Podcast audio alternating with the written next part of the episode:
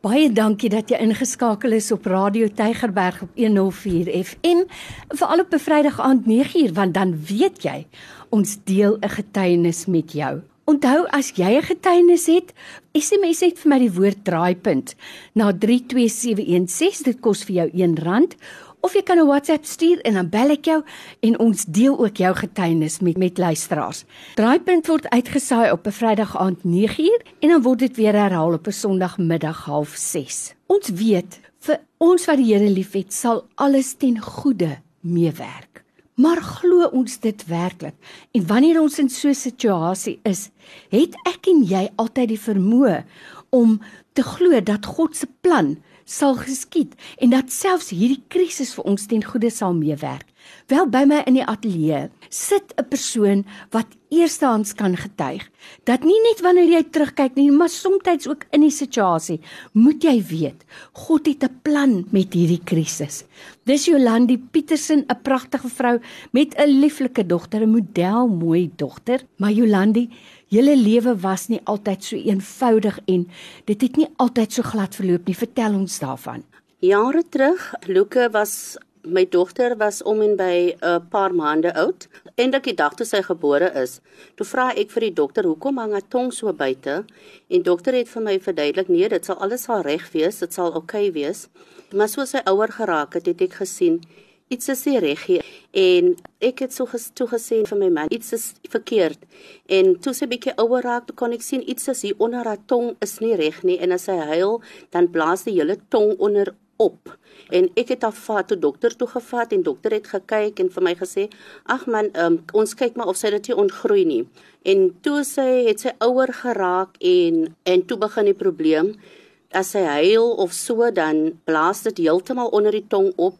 Later toe ons sien toe begin die letsels op die tong te kom soos pysies en sulke goed en ons het nou maar nie gedink is so erns nie. En ehm um, die dokters het gekyk en as hulle net aan haar tong geraak het met die ehm um, stokkie dan begin die tong te bloei. Sjoe. En so het dit nou maar aangegaan en ons het gesukkel oor die jare en ons is al by verskillende hospitale. Ons was ehm um, by almal wat ons al kon on, kan aandink. Ek het al vaar gehad in die kuier, het ek al vaar gehad net om te kyk of daar nie iemand is wat raad het nie. En die kuier het gekom en ehm um, sy het vir my gesê, "Mommy, please, I will talk to them, but please no photos." Toe toe het uit iets uit die kuier uitgekom wat hom nou vir ons ook gestuur het toe stuur hulle vir ons Constantia Book Hospitaal toe. Daar het dit ook gelyk die deure slaan toe voor my oë. Mm. En ek het later nie meer geweet wat te kan toe nie. En haar tongprobleem het erger geraak en die tong het meer begine bloei en so het dit aangegaan vir 20 jaar. Sjoe. Ek het dit toe later maar gesê ou ek gee dit oor aan die Here, maar die Here het 'n ander pad gehad met dit. Sy is nou 21 So 6 jaar voor dit, toe word ek gediagnoseer met borskanker. En ek het nou gegaan deur alles van wat borskanker moet gedoen word. Ek het my uh, my borstel laat verwyder. Ek het alles um deur moontlik gegaan. Ek het gegaan deur chemo, ek het gegaan deur radiation. Toe het dit nou weer begine opvlam met Lucas se tong en ek het nou nie meer geweet wat om te doen nie want as hy gaan slaap in die aand dan bloei die tong. En dan die volgende oggend moet ons al ewig handdoeke was van die hele mm. Eh, bloed die klomp bloed op die op die kussing. Ek het al gevra Here asseblief help my net. Ek het net daai oomblik mens dink nie daai oomblik daaraan dat toe ek gediagnoseer word met kanker het ek gevra hy het hoekom ek? Hoekom ek? Wat is die doel? Wat is die doel? Maar agterna het ek vir die Here gekon ek vir die Here sê dankie mm. vir dit mm. want deur dit het daar genesing gekom vir my dogter. Nou by my in die ateljee vandag is Jolande Petersen met 'n uitsonderlike verhaal. Jy weet Jolande, soos jy nou sê, jy moes 'n swaar pad loop, maar die Here het 'n doel gehad daarmee, want daardeur het daar vir jou dogter ook genesing gekom. Vertel ons. Ja, en deur dit omdat ek gewees het by die uh, by die onkoloog uh, by dokter Marie Visser toe Luka kleiner was was ek gewees by dokter Ian Smit wat laser treatment gedoen het wat baie duur was en ons kon dit later nie meer bekostig nie mm. en ons het maar opgehou en toe op toe sy nou ouer is en so toe sê my ma vir my man ek sal vir jou help en dan sal dan moet jy maar van weer vat vir die lys. En die dag toe gaan ek na dokter Ian Smit toe en dokter Ian Smit kyk my so en hy sê vir my Jolandi, weet jy, sy is nou ouer. Um hy gaan vir my verwys na 'n onkoloog toe. En ek sê vir hom, "Watter onkoloog toe wil jy vir my verwys?" Hy sê vir my na na, na Marie Visser. Ek sê, "Nee, maar ek is by Marie Visser." Sjoe.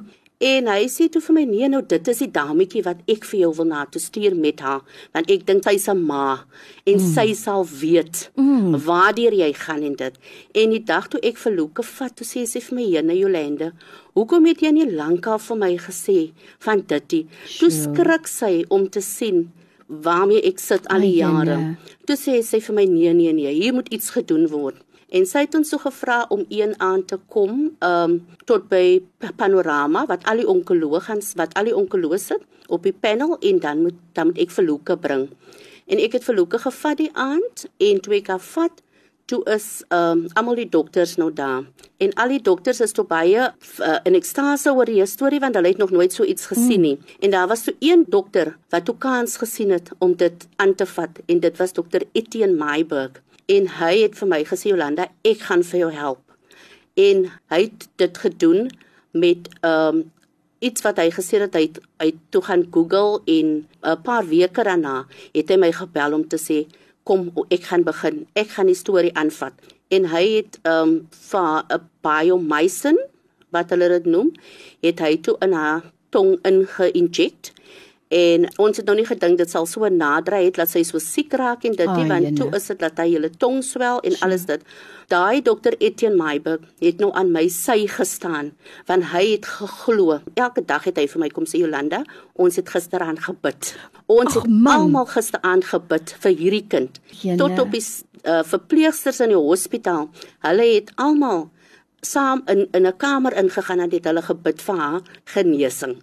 En vandag glo ek vir dit wat ek deurgegaan het, het dit vir my kind genesing gebring.